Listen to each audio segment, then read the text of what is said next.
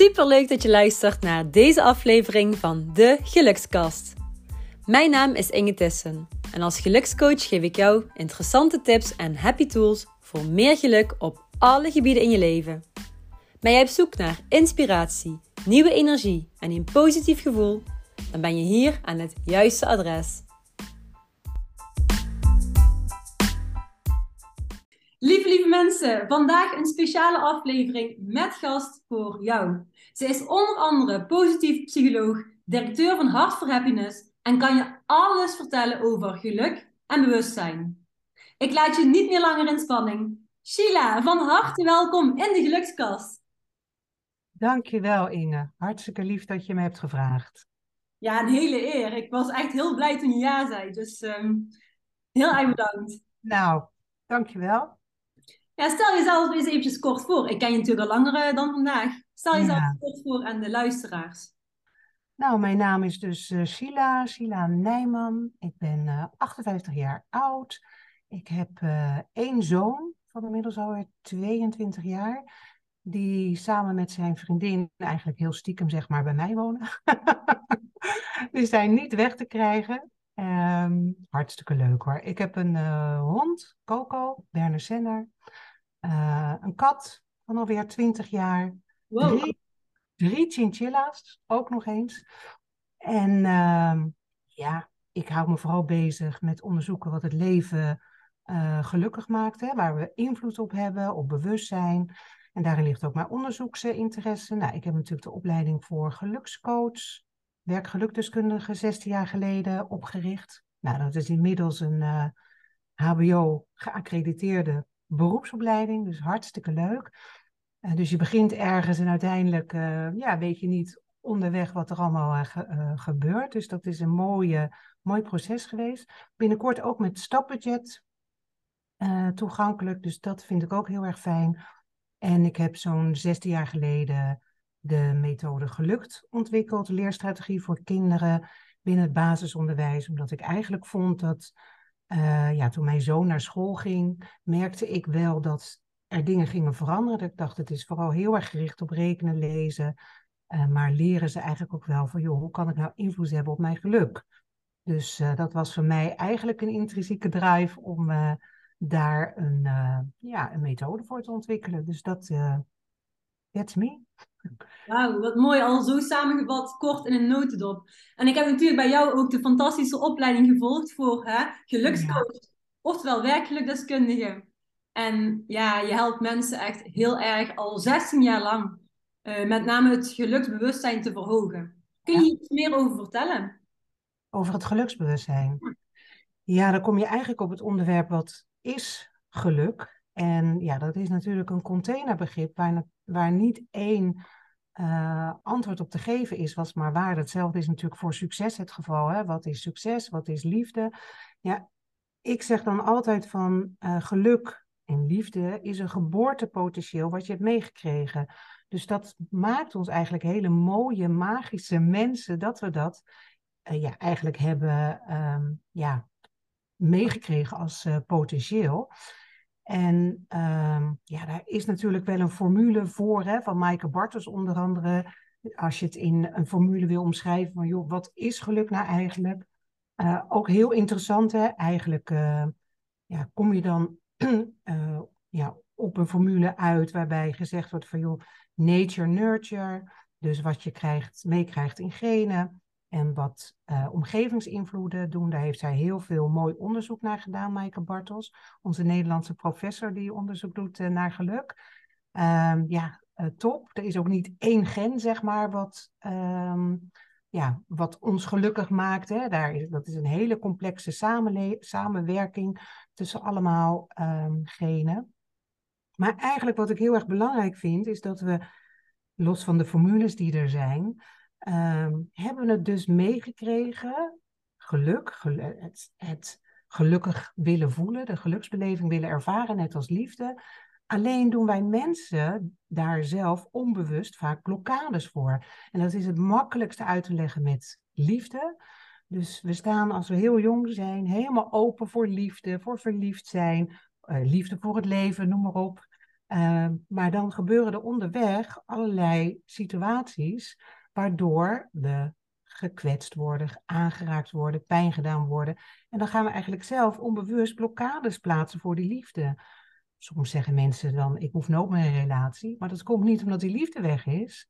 Dat komt omdat we daar blokkades voor hebben geplaatst. Onbewust, hè, dat doen we niet even, joh, hup, ik haal het weg en ik zet het er eventjes weer uh, voor. Nou, hetzelfde geldt ook voor geluk. Dus dat is er en als we het niet voelen, ja, dan uh, ja, kun je kijken van, van waaruit ontstaat dat. Nou, en daarin komt eigenlijk dat geluksbewustzijn. Um, daar werk ik dan mee in de opleiding voor gelukscoach, de bewustzijnsschaal. Waarbij je eigenlijk van een laag bewustzijn kunt groeien naar een, hoger bewustzijn. En niet omdat je niet goed bent zoals je bent, hè, want dat vind ik echt een no-go. Je bent helemaal goed zoals je bent, maar je gunt het jezelf om te groeien naar een hoger bewustzijn, waardoor je uit je overlevingsbrein uh, stapt en veel meer toegang krijgt tot uh, ja, de magische, mooie dingen van het leven. Je krijgt een veel breder beeld um, dan als je in je overlevingsmechanisme uh, zit. Dus in schaamte of in boosheid of in angst of in apathie. Ja, lang uitgelegd. Nou ja, lang uitgelegd, maar ook wel to the point. En ja, ik vind het sowieso fantastisch hoe jij meteen eigenlijk tot de kern kunt komen. Dit, dit getuigt van jarenlange ervaring en ook wel passie voor het natuurlijke begrip geluk. En nog veel meer dan dat. Dus dankjewel Alshila voor deze mooie ja, intro min of meer. Over ja, ja. Ik ga ook mijn lijstje met vragen erbij nemen. Dat is een beetje de rode draad. Ik ben nieuwsgierig naar ook jou als kind. Um, ja, ja wat, wat wil jij als kind worden? Ja, dat is een hele uitdagende vraag. Want dat, um, dat, dat weet eigenlijk, wist ik eigenlijk helemaal niet. Dat kon uh, indiaan zijn, dierenarts, uh, archeoloog, uh, psycholoog, bioloog. Ja, ik wilde eigenlijk wel toen ik heel jong alles weten over wie zijn wij nou eigenlijk in plaats van wat ik wilde worden. Um, dus ja, ik, ik was daar eigenlijk helemaal niet zo mee bezig. Meer um, ja, de wereld aan het ontdekken en vooral eigenlijk vanuit je hart leven. En later komt het dan in, in de systemen, waar schoolsysteem, werksysteem, daarin moet je natuurlijk uh, meegaan. Maar mhm. ik uh, wilde vooral ontdekken van, joh, wat is het leven nou? Wie zijn we? Waar komen we vandaan? Uh, wie ben ik? Wie is God? ja, al dat soort vragen had ik. Wauw, en vind je dat ook niet eigenlijk super mooie vragen voor iemand die volwassen is? Ja, dat is een goede vraag. Ja, juist. Ja, en dat stellen we ons, ik vind wel na uh, de coronatijd meer af hè, dan daarvoor. Maar dat zijn zeker vragen die we ons uh, ja, af kunnen stellen. En ook heel leuk in een teamverband hè, op het werk om iets dat soort vragen uh, aan elkaar te kunnen stellen. Moet het wel psychologisch en emotioneel veilig zijn, hè? want het zijn nogal diepe vragen. Maar als dat er is, ja, dat is, dat is hartstikke mooi om te doen. Ja, zeker. Ik hoor je ook praten over het stukje, ja, na corona is het eigenlijk een beetje meer, misschien wel het geluksbewustzijn al een mini tikje verhoogd. Zie je dat ook zo? Ja, ik zie eigenlijk twee kanten. Hè? En dat, dat zie je, um, ja, altijd zijn er twee uh, kanten.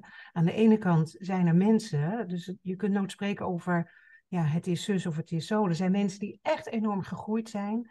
Uh, door wat er gebeurd is. Die moesten verstillen. Uh, ja, die eigenlijk ja, ineens met hun uh, familie, gezin veel meer in één huis waren. Maar je ziet aan de andere kant ook dat daar problemen door zijn ontstaan. Meer huiselijk geweld, meer ook jongeren die zich eenzaam hebben gevoeld, ouderen die zich eenzaam hebben gevoeld. Dus het is ja, altijd um, ja, die polariteiten in ons van het mooie en het pijnlijke, ja, dat zie je eigenlijk ook uh, in dit stuk uh, ontstaan.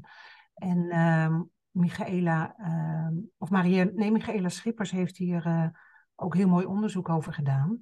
Dus ehm, ja, er is geen één uitspraak over te zeggen. Maar het is mooi dat mensen zich bewust worden die door dit soort omstandigheden, en dan kom je eigenlijk weer op het stukje van omgevingsinvloeden, die dus iets kunnen doen positief of uh, negatief. Hm. En negatief is ook de betekenis hè, die we er zelf aan geven. Maar ja. En gaat het dan ook over een soort keuze die je dan daarin maakt? Of heb je vaak geen keuze? hoe je omgaat met wat er op je pad verschijnt. Want als je dan toch in zo'n coronacrisis uh, verstrengeld raakt, dan heb je vaak, ja, naar mijn gevoel, hè, gevoelsmatig, niet alle keuze.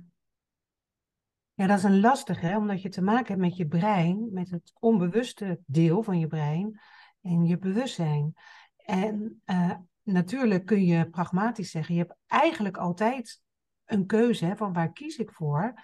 Maar omdat we heel erg uh, afgaan op ja, dat onbewuste gewoontebrein, doen we uh, ja, wat, ja, wat ons verteld wordt. Dat is ook een beetje een hiërarchische overtuiging die we hebben opgedaan. Uh, namelijk, we moeten gehoorzamen. Uh, en ik nodig mensen altijd uit van, joh, word vooral nieuwsgierig en onderzoekend. Uh, dat is het belangrijkste. Dat was je als kind nieuwsgierig en onderzoekend. Um, en ja, dat vind ik eigenlijk het allerbelangrijkste om te doen. Dus ik kan, het is te makkelijk om te zeggen, je hebt, je hebt een keuze. Tuurlijk heb je een keuze, maar het is ook tegelijkertijd te makkelijk om te zeggen, je hebt een keuze. Omdat die hele onbewuste uh, processen, je onbewuste mind, uh, gewoon een hele grote rol speelt. Ja, en wat jij heel mooi doet, en dat doe ik zelf nu ook, met name omdat ik heel veel heb geleerd over een stukje geluk, is dat je mensen wel kunt leren te kiezen voor geluk. Ja, ja je kunt het trainen. Zeker. En wat ik ook meteen gaan er van allerlei gedachten in mijn hoofd rond. We hebben natuurlijk wel een rode draad, maar tegelijkertijd kun je van mij best wel wat uh, impulsieve vragen verwachten. Ik ga je gang. Denk even terug aan onze tijd van de opleiding. Toen was natuurlijk ook een stukje ja, corona um, topic. En ik weet nog dat jij um, daar heel erg bewust mee bezig was. Met name dat jij niet meteen direct de kudde volgde. Ja. Dat je in de supermarkt instapt en dat je zei van weet je wat, dat mondkapje was een dikke vette nee. En natuurlijk achteraf, nu komen heel veel mensen tot inkeer. Maar dan zit je eigenlijk in die soort ja, maatschappelijke hypnose, kun je het wel noemen. Ja. Kun je daar iets over vertellen hoe dat dan, ja, hoe dat je toch bij jezelf bent gebleven? Ja, dat is een lastige, want dat is eigenlijk gewoon een, een um, ja, intrinsiek iets waardoor je die keuze uh, maakt. En um, daar, ik had sowieso uh, een uh, mondkapjesvrijstelling, maar als je erin verdiept in mondkapjes, dan um, ja, dan, is, dan, dan weten we nu hè, met die, uh, dat, die verzoeken die allemaal ingediend zijn, um, weten we dat het nauwelijks bijdraagt tot niet aan verspreiding van het virus en dat het meer te maken had met uh, ook gedrag. En dat is wat ik ook heel erg zag. Uh, dus ook ik heb in die afgelopen twee jaar heel erg veel geleerd. Dus ik had mijn vrijstelling. En, en, natuurlijk vond ik er ook wat van. Hè. Deze twee aspecten speelden gewoon mee. En dan ging ik boodschappen uh, doen. En het gebeurde niet veel hoor. Maar heel af en toe um, werd ik daarop aangesproken op een hele vijandige, agressieve manier. Wat ik ook weer begrijp. Want als je in de angst zit, dan zit je in je overlevingsbrein. Dus dan gaat je bewust denkende uh, brein, die staat gewoon offline. En je reageert eigenlijk heel primair vanuit overleven. Dus ik begrijp het, maar natuurlijk heeft dat ook een effect op, uh, op mij. En ik zag ook dat mensen gewoon heel dicht bij mij kwamen. Dat ik bijna een soort conclusie kon trekken van, joh, zij, het gaat niet zozeer over uh, dat zij bang zijn dat ze het virus krijgen. Want ze waren zo uh, ja, geconditioneerd van kom niet te dicht bij een ander anderhalve meter afstand. En waarom deden ze dat dan bij mij wel? Omdat ze eigenlijk wilden dat ik ook gehoorzaamde. En dat vond ik een, een hele ja, bijzonder fenomeen, wat ik eigenlijk in mijn leven uh, nooit zo had uh, meegemaakt. En ja, nogmaals, het is begrijpelijk als je in die angst zit. Um, dan moet je echt durven op het randje van je comfortzone te gaan staan. Van joh, wat doe ik nou eigenlijk? Maar ja, daar vraag je wel wat van mensen om dat, om dat in zo'n ja, heftige tijd ook te kunnen. Zeker. En dan denk ik ook over het stukje, ja, de wereldangst. Want er is natuurlijk over eh, de hele wereld een heleboel angst. Hoe kunnen wij met deze planeet, met deze planeet aarde, Sheila, hoe kunnen wij shiften? Dus wereldwijd shiften van angst naar liefde. Want ik zie liefde als een ja, supermooie tegenpol van angst. Is het een optie of is het niet mogelijk?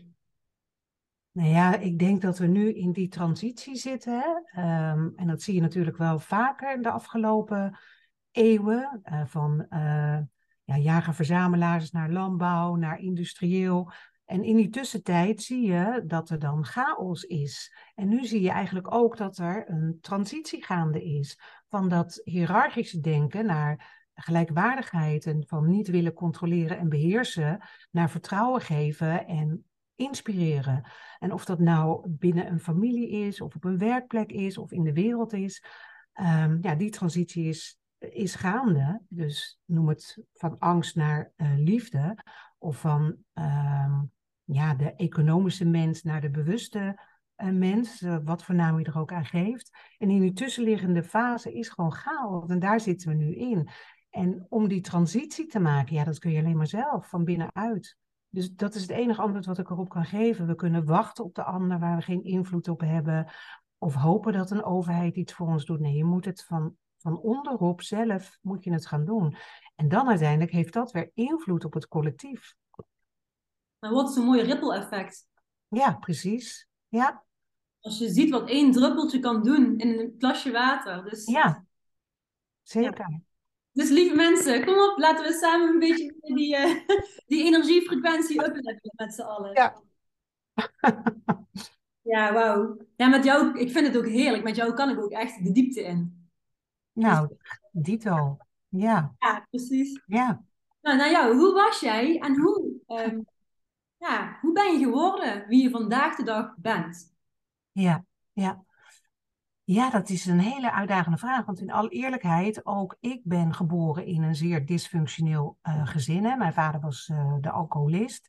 Dus mijn twee zussen en ik, die waren toen we jong waren ook slachtoffer van uh, misbruik. Een ideale vijver om op te groeien, zeg maar. en mijn toevluchtsoord toen was, ehm, ja, om, om die angst, zeg maar, te ontlopen, was muziek, diepe vriendschappen, wetenschap, oude wijsheden dieren, natuur, daarin voelde ik mij dan veilig. Hè? Dus je zoekt altijd naar een bepaalde veiligheid. En ook hier hè, weer dat ik dacht van uh, vragen die ik stelde van ja, wie ben ik? Waar kom ik vandaan? En grappig genoeg kon ik dat juist wel met mijn vader uh, bespreken.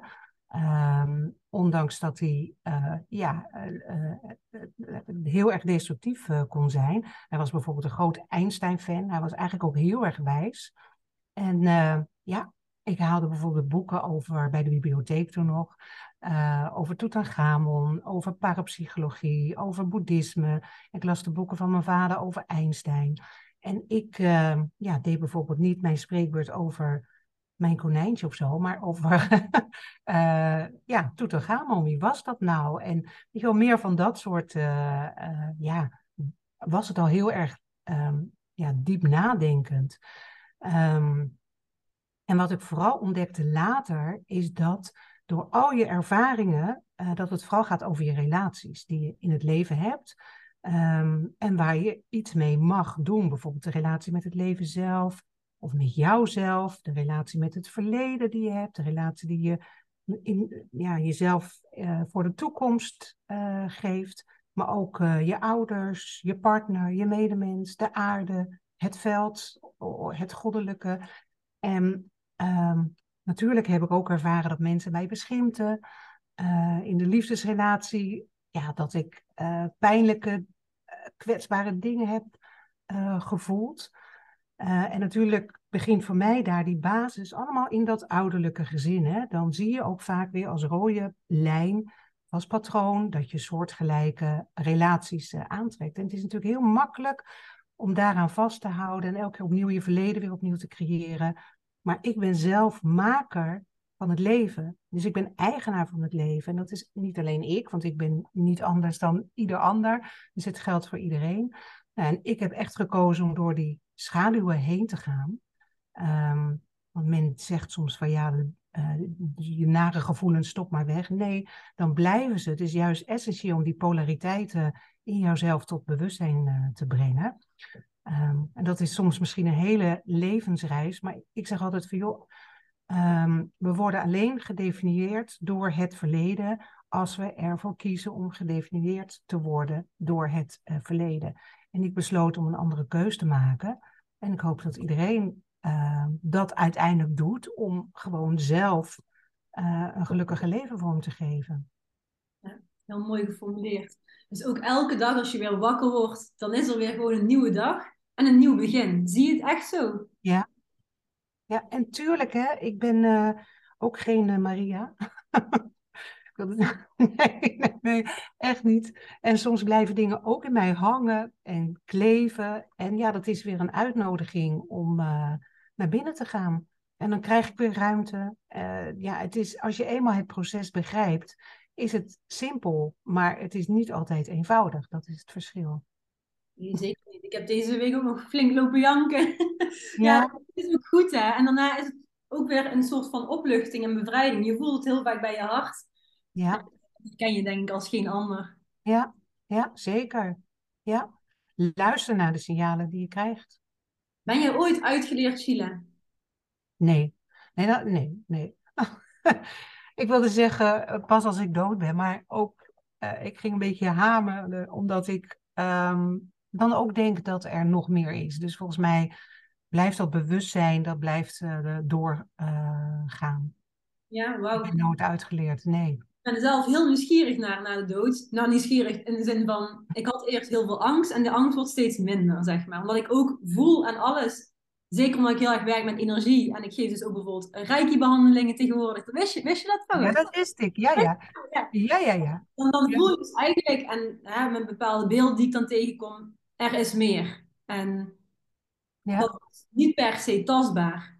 Nee. Hoe kijk je daar tegenaan, tegen het stukje energie en ook wat er na de dood voor ons zal zijn? Ja, ja, kijk, voor mij is het heel duidelijk dat we hebben, wij, wij volgen natuurlijk heel erg dat Newtoniaanse principe. Hè, uh, van joh, we denken bijvoorbeeld uh, dat cellen alleen maar reageren op chemische prikkels. Maar we weten ook dat cellen reageren op energetische Alleen met die huidige wetenschap kun je dat natuurlijk niet uh, aantonen. Neem bijvoorbeeld homeopathie of zo.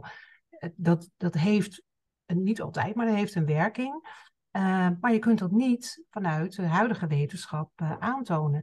En dat is ook na de dood. Ja, weet je, ik ben al jaren fan van bijvoorbeeld Pim van Lommel. Uh, die een prachtig boek heeft geschreven over het oneindig onbewuste, geloof ik. Ik weet even niet meer precies de titel. Maar dat ging erover dat hij um, ja, mensen opereerde, hartchirurg. En hij kwam elke keer dezelfde informatie tegen als mensen bijna doodervaring hadden gehad. Um, ja, weet je, ja, voor mij is het gewoon duidelijk, ook in meditaties. En juist in diepe meditaties krijg je ook informatie binnen.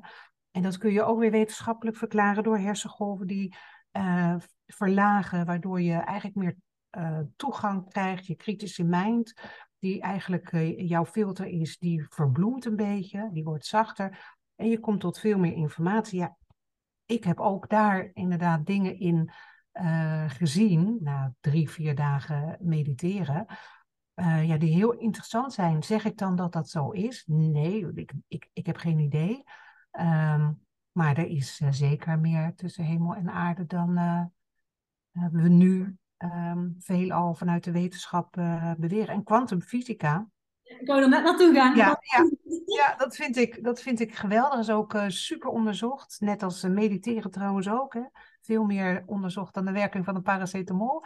Um, ja, weet je, fantastisch allemaal. Het duurt alleen een beetje lang voordat dat beklijft in, uh, in de samenleving. Maar het begin is er.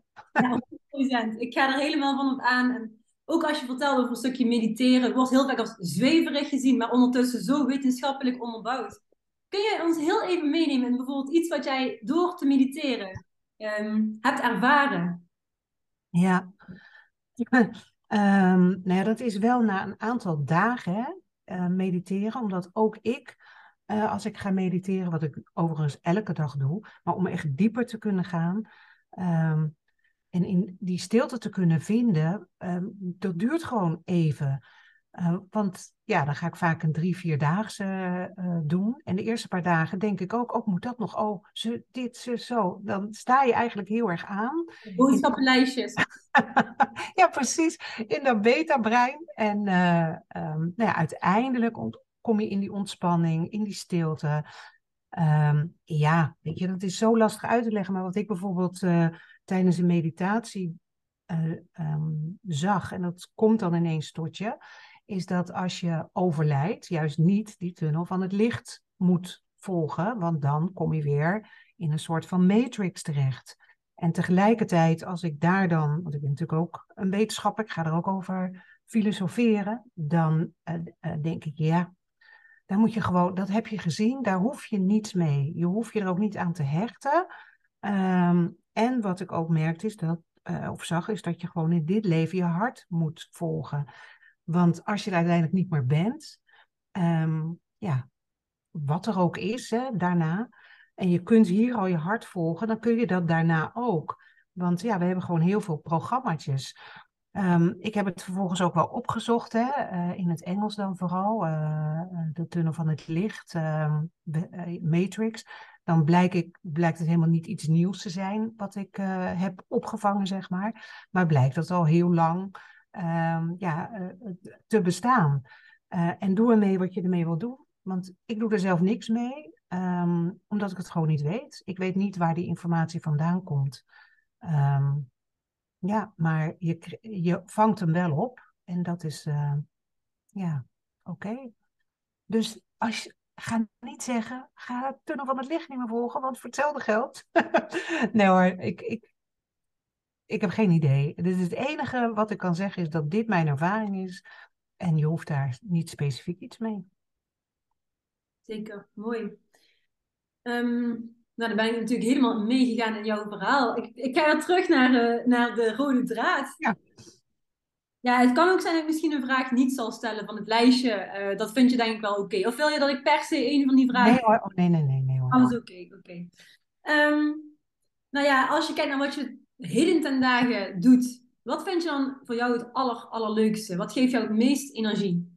Ja, investeren in het geluksgevoel van uh, mensen.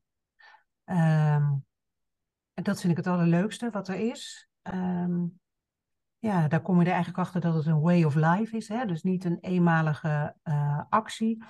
Um, nou, dat is eigenlijk mijn intrinsieke uh, drive uh, om dat te doen. Of ik het nu zakelijk professioneel doe of ja, in, vanuit in mijn omgeving. Ik vind het heerlijk, net als dit soort gesprekken, ja, dat is, uh, ik vind dat uh, alleen maar heel erg uh, om je over te verwonderen. Um, iets waar ik heel dankbaar voor ben.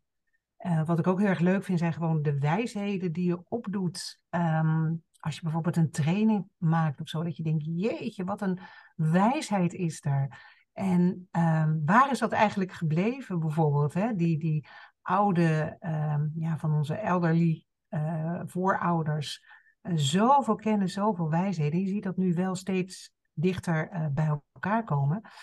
Uh, bijvoorbeeld ook over het hart, weet je, dat vind ik ook, ja, daar ga ik ook helemaal op aan. Dat als je daarover of, even bij stilstaat, dat je hart dus niet alleen maar een pomp is die bloed door je hele lijf transporteert, maar dat hij ook signalen uit je omgeving kan oppakken, dat het een eigen geheugen heeft, dat er sensorische neurieten in je uh, hart uh, zitten. En dat het ons hart de sterkste magnetische, 5000 keer sterker dan het brein, um, ja, eigenschap heeft die ook weer het collectief kan uh, beïnvloeden. Dus als menselijke harten, om het maar zo uit te drukken, als collectief samenkomen en een oprecht gevoel van dankbaarheid of mededogen of compassie ervaren in een groep, dan heeft dat dus zelfs invloed, niet alleen op de groep zelf, maar ook op de uh, omgeving. Uh, energetisch dan weer, hè? dat wordt dus uh, gevoeld. Dus als we samenwerken met elkaar, kom je weer op jouw puntje vanuit de liefde of dankbaarheid ervaren, dan heeft het dus invloed op de directe omgeving. en je kunt die hartwijsheid opwekken. En ik vind dit echt, dit, ja, ik vind dit magisch. Sommige scholen werken ermee, want het is een wetenschappelijk onderbouwd uh, iets, hè, net als mindfulness. Heel veel mensen weten dat natuurlijk niet. Maar ook ja, die oude tradities, die zeggen dat ook altijd al. Het hart en niet de hersenen is het centrum van diepe wijsheid en de deur naar bewustzijnsniveau. Dus we moeten niet alleen maar hier zitten, maar ook ja, hier naartoe uh, gaan. En als, je dan, ja, als ik dan kijk naar, naar landen waar bijvoorbeeld veel aan de hand is en veel oorlogen zijn, kunnen mensen door grote uh, groepen samen te voegen en vanuit liefde en dankbaarheid bijvoorbeeld te mediteren, kunnen zij die, ja, hoe zeggen dat, die donkere kant uh, verlichten, min of meer? Ja, uit onderzoek blijkt dat wel. Hè? Dat noemen ze het Maharishi-effect. Daar is echt uh, heel veel onderzoek naar gedaan. Dus niet zomaar even. Volgens mij is er zelfs een meta-analyse over gedaan. Dus dat is ja, heel gedegen onderzoek. Ja, dat kan. Dat heeft inderdaad effect um, op um, ja, de samenleving als geheel. En daar heb je ook een bepaalde formule voor, die ik niet uit mijn hoofd weet hoor. Maar stel, um, de wortel uit zoveel. Dus stel dat er 50 mensen mediteren, dan heeft dat een effect op nou ja, zoveel mensen in een regio. Ja, en dat is, dat is bijzonder. Ja.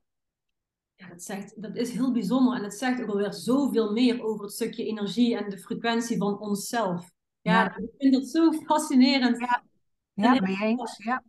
Wauw. Goed, ja, ik merk dat dit stuk heel erg uh, mijn interesse wekt. Omdat jij zoveel kennis hebt, wil ik jou eigenlijk heel erg bevragen. Uh, maar ik wil tegelijkertijd ook terug naar de, de rode draad. Omdat jij ja. als persoon ben, ben je ook heel inspirerend. En um, als je dan kijkt naar ja, deze planeet. Is wat jij vandaag de dag doet, waarvoor jij op deze planeet bent gekomen? Ja, uh, even nog terug op jouw opmerking. hoe meer ik weet, hoe minder ik eigenlijk het idee heb dat ik weet hoor. Maar goed, buiten dat. Um, ik, ik heb geen idee. Ik heb, je krijgt geen crystal clear antwoord bij je geboorte waarom je eigenlijk uh, hier bent. Maar het is gewoon een intrinsieke drive. Dus um, ja, dat, dat is iets wat je niet kan stoppen. Ik, ik weet gewoon dat we met z'n allen in de wieg zijn gelegd voor een prachtig leven. En, en, dat weet ik omdat we nou ja, dat geboortepotentieel hebben. Hè? Liefde, vrede, geluk en al het andere. Um, ja, dat leren we uh, onderweg, zeg maar. Dus als um, mens zijn we echt gewoon fantastisch. En natuurlijk kent het leven uh, ups en downs. En dat is ook nodig, want dat helpt je uh, groeien. Maar iedereen verdient gewoon een leven dat barstensvol zit met vreugde en goede dingen. En niet alleen maar van what's in it for me. Maar als je juist in dat fijnere gevoel zit, dan heeft dat ook gewoon een effect niet alleen op jezelf, maar, want dan krijg je zo'n narcistische wereld, maar ook juist op de omgeving. Dan, kom je, dan kijk je de wereld vanuit een heel um, ja, ander bewustzijn. Ja, wat je zegt, als je heel erg met jezelf bezig bent, wat in deze maatschappij toch nog wel veel aan de hand is, zeg maar. Um, ik denk ergens dat je dan ook nooit het geluk zult aanraken. Want elk mens heeft toch een bepaalde vorm van dienstbaarheid nodig om eruit te halen wat erin zit. Zie je dat ook zo? Snap je wat ik bedoel? Of zie je het anders? Um, nou ja, je bent een vrije geest, hè? je bent een soeverein mens, dus je mag eigenlijk zelf bepalen wat je doet op deze aardbodem. En ja, ik zou dan zeggen, uh, maak er uh, iets heel erg moois van uh, voor jezelf en voor het grote geheel. Um, ja, dat, dat is wat ik zie. Um, ja. Ja, en als je dan kijkt, zeg maar, wat ik eigenlijk bedoel, is als je kijkt naar mensen die dus leven vanuit hun hart, die, die nemen automatisch altijd anderen mee. Dus dat zie je als een bepaalde dienstbaarheid, dat het eigenlijk de bedoeling is dat je leeft vanuit je ja, wat je hier te doen hebt op deze planeet. En dat je dan altijd een effect zult hebben op andere mensen. Ja, nou denk ik ook dat als je uit je hoofd leeft, dat je een effect hebt op andere mensen. Um, alleen kan, ja, kan dat uh, positief of negatief zijn. Kan ook goed zijn. Maar inderdaad, uh, als je veel meer vanuit je hart leeft, dan heb je het over je harttalenten, hè, wat ik net zei. Compassie, mededogen, empathie.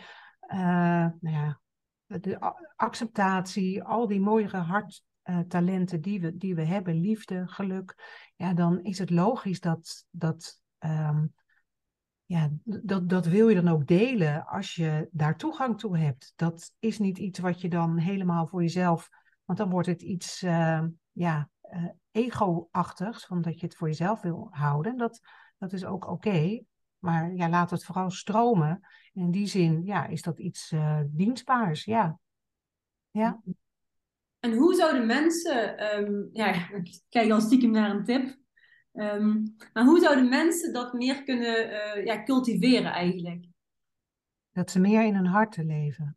Ja, ja, ja dat, hadden we daar maar een toverstokje voor. En daar is ook geen one size fits all iets uh, voor te vinden. Um, dat is uh, ja, jouw ontdekkingsreis als mens. En ik kan alleen maar zeggen van ja, ga vooral uh, opleidingen volgen. En dat hoeft echt niet specifiek bij mij, want het gaat niet over mijn opleiding. Maar het oh, gaat... dat is wel een aanrader. kan ik niet helemaal zeggen. Is...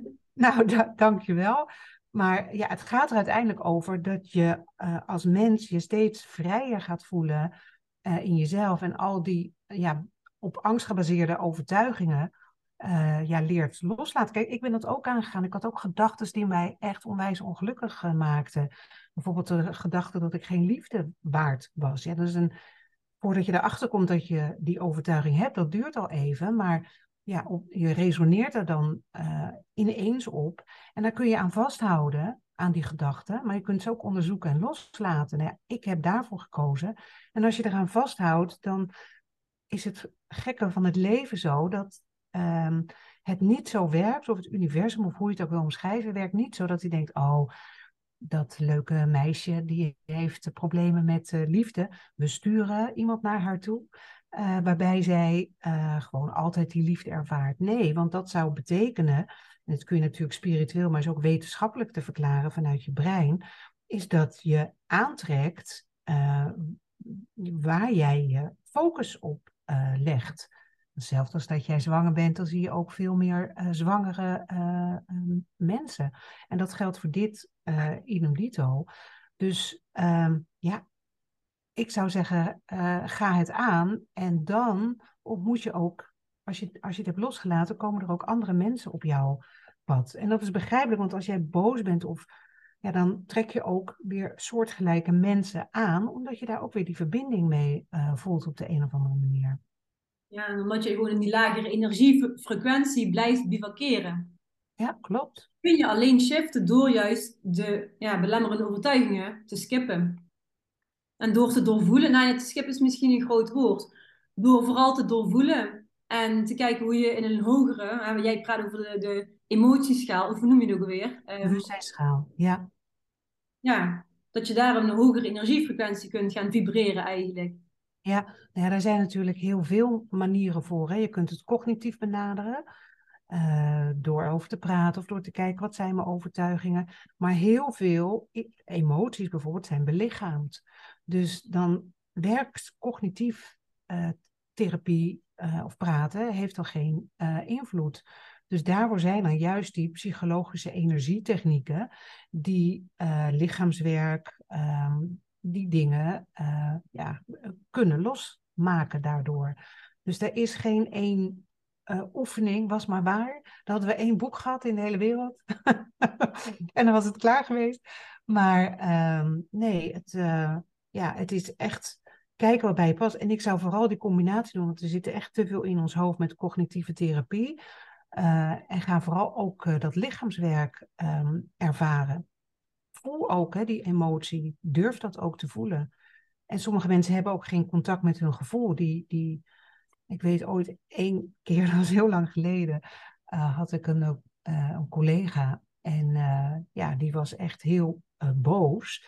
En nou ja, ik maakte de opmerking, is natuurlijk ook niet echt tactisch, maar nou, ik merk dat er hier, ik merk dat, dat je heel erg boos bent of iets in die zin. Toen zei nee, ik ben helemaal niet boos, hoe kom je erbij? dus ja, dat, dat wakkerde het een en ander nog een beetje aan, maar had niet het, het uh, idee dat hij boos was. En soms als je ook aan mensen vraagt, hoe voel je je? Dan is het van, uh, ja, nou ja, hij deed zo vervelend. En dan zeg je, ja, maar wat voelde je dan? nou, hij had gewoon een beetje normaal moeten reageren. Dan zeg je, ja, maar wat voel je dan? En voelen is, ik ben boos, ik ben gefrustreerd, ik ben verdrietig. En dat is al, als je daar al mee begint, ja, dan, dan gebeuren er ook al wonderen als je die polariteit naar boven brengt. Mooi. Sheila, als we naar jou kijken. Ja, ik stel deze vraag altijd. Waar zie jij jezelf over vijf jaar? Ja. Kijk je überhaupt zo ver? Nou, dat deed ik vroeger wel, maar dat doe ik nu minder. Misschien dat de leeftijd daarmee uh, te maken heeft. Maar ik ben toch wel iemand die een beetje, zoals uh, ook in de blue zones leven, hè? daar gaan ze niet met pensioen. Daar blijven ze eigenlijk doorgaan. Nou, ik kan me niet voorstellen dat ik, uh, dat ik stop met bijdragen aan het verhogen van het bewustzijnscollectief. Dat zit in mij al jaren en dat blijft doorgaan. Um, ja, ik hoop echt dat ik mensen bewust kan maken van, joh, het is hartstikke leuk op TikTok staan, Instagram, ik sta er ook op. Uh, of een leuke auto, of een, een, uh, ja, mooi huis willen hebben. Top, echt geniet daarvan. Maar zet daar ook bewustzijn op. Weet ook dat je, dat, dat wel een piekmoment geeft. Hè? Uh, ik was gisteren bij mijn buurvrouw, die had een nieuwe keuken. En toen dacht ik, jeetje, wauw, wat mooi. Maar we weten ook, als je die zelf hebt, na een paar weken of een paar maanden, dat uh, verschilt natuurlijk, is dat gevoel uh, weer weg. En die ware bron van geluk, ja, dat ligt echt in onszelf, zowel het contact met ons hoofd als met ons hart. Maar als je het contact met dat hart uh, verliest, dan verlies je ook het contact met je ware zelf. En ehm, ja, dan wordt het leven lastiger, dan wordt het leven somberder. vooral als je niet mee kan in de huidige consumptiemaatschappij, zeg maar. Dus ik hoop dat ik kan bijdragen over vijf jaar dat mensen niet hoeven te vechten in het leven, dat de wereld niet gebaseerd is op strijd, niet op competitie, maar dat het leven gebaseerd is op bewustzijn. Uh, om, en dat we goed zijn nu al zoals we zijn. En uh, ja, dat we de keuze hebben om te kunnen groeien vanuit liefde voor onszelf en elkaar. Ja, dat hoop ik te blijven doen. Nou, ja, ik ben het helemaal met je eens. Ja. Mooi hoor, hoe je het vertelt. En als je dan kijkt naar, ja, je hadden al gehad over natuurlijk wat geluk voor jou betekent. En als je kijkt naar geluksmomenten, want dan ga je meer over gevoelens praten. Uh, wat is dan voor jou je mooiste of een van je mooiste geluksmomenten in dit leven?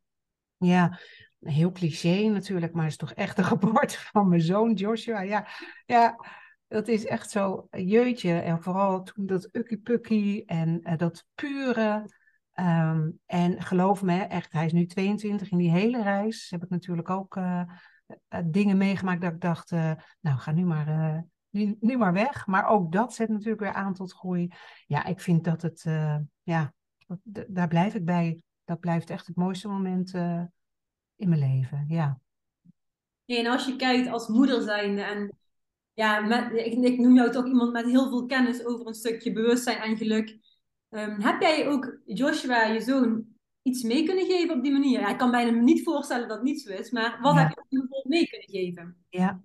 Nou ja, eigenlijk heel veel wat ik train. Uh, alleen op een gegeven moment dan komt er een soort omslag bij uh, pubers. En dan is het, uh, oh nee, ik wil er niks meer mee te maken hebben. En mijn moeder is raar. En dat, dat, die kanteling verandert ook uiteindelijk weer. Maar uh, ja, ik, hij heeft bijvoorbeeld die methode gelukt. Daar is hij natuurlijk mee aan de slag gegaan. Uh, met mediteren is hij aan de slag gegaan. Met hartcoherentie, ook met die feedbackapparaatje. Om, nou maar ja, hij zat altijd in groen. De meeste mensen weten niet wat dat betekent. Maar met hartcoherentie krijg je dus een biofeedbackapparaatje op. En dan kun je kijken ja, of je hart coherent is. En dan werkt hij heel goed samen met je, met je brein. En dan heb je kleurtje groen, blauw of rood. En groen betekent coherent. Nou, dat is hij eigenlijk altijd uh, wel. Um, ja, ik ben even jouw vraag kwijt. Wat jij met hem hebt meegegeven. Ja, nou ja, dat is EFT heb ik hem meegegeven. Uh, ja, eigenlijk al die dingen. En nu komt het weer een klein beetje bij hem terug, op 22 jaar geleden, maar het is nog heel subtiel hoor. Maar aan de andere kant denk ik, joh, het zit er wel in. Hij kent de begrippen mediteren, EFT, ja, noem maar op. Hartcoherentie, nou ja, dat is al een winst, uh, vind ik, om een kind mee te geven, ja. Wauw, dankjewel. Als we het over uh, kennis hebben en over boeken hebben. Ik ben natuurlijk zelf een enorme boekenworm hier. liggen heel veel boeken. Um, wat, welk boek raad jij iedereen aan om te lezen? Ja, nou dat vond ik uh, een lastige vraag, want ook ik heb hier, maar dat kun je niet zien, allemaal boeken. en ook nog eens uh, online. Um, maar uh, Bruce Lipton, de biologie van de overtuiging. Ja, ja, ja, ja.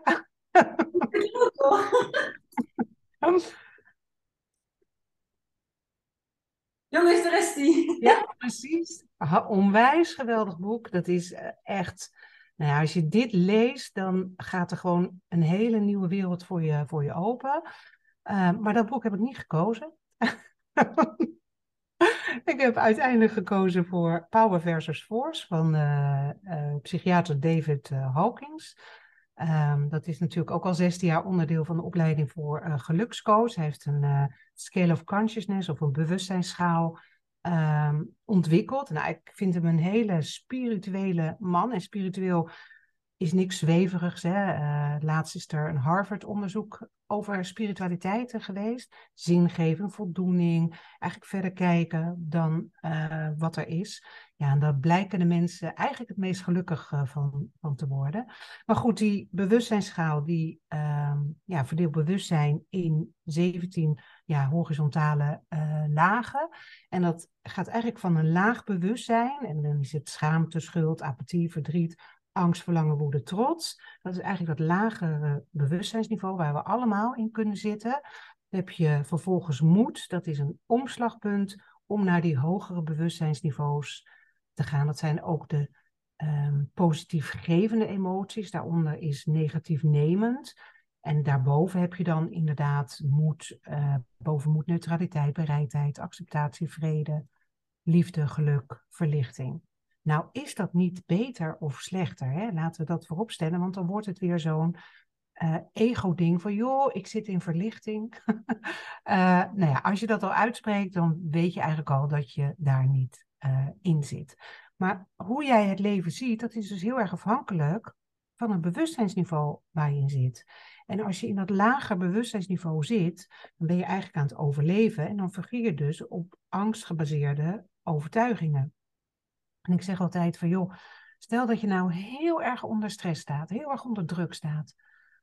Hoe reageer jij dan? Dus bedenk een situatie, je manager komt naar je toe of je, hebt, je, je, je partner maakt een hele nare opmerking waar je door getriggerd raakt. Wat doe jij dan? Ga je dan de strijd aan? Nou, dat is uh, uh, woede, boosheid, trek je jezelf terug, apathie, van het praat niet meer. Of wil je gelijk hebben, trots, of accepteer je het gewoon en kun je een liefdevol gesprek, een verbindend gesprek met elkaar voeren. Hoeft niet altijd, hè. soms uh, mag het gewoon lekker even knallen. Maar je bent gewoon geboren om al die ongelooflijke dingen in je leven te doen en die hogere staten van bewustzijn, die helpen jou uh, daarbij. Uh, omdat ja, waar je ook zit, als je dus boos bent, ja, dan uh, is jouw gedrag, jouw emoties, jouw acties, uh, jouw handelen is daarop ja, geanticipeerd. Dus als ik geïrriteerd ben, ja, dan heb je een heel ander gesprek dan dat ik me zo happy voel.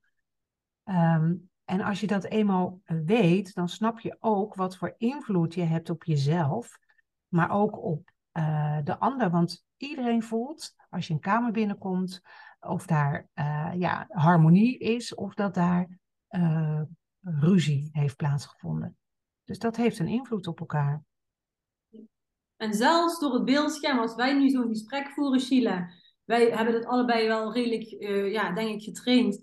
Dan kun je nog gewoon de energie door het scherm heen voelen. Precies, vind ik ook. Ja, helemaal mee eens. Ja, dat hoeft niet fysiek uh, alleen maar te zijn. Nee, klopt. Ja. Maar goed, ik ben denk ik wel door de, de vragen heen, denk ik, over het algemeen. Is er iets wat jij heel graag nog uh, kwijt wil in deze gelukskasaflevering?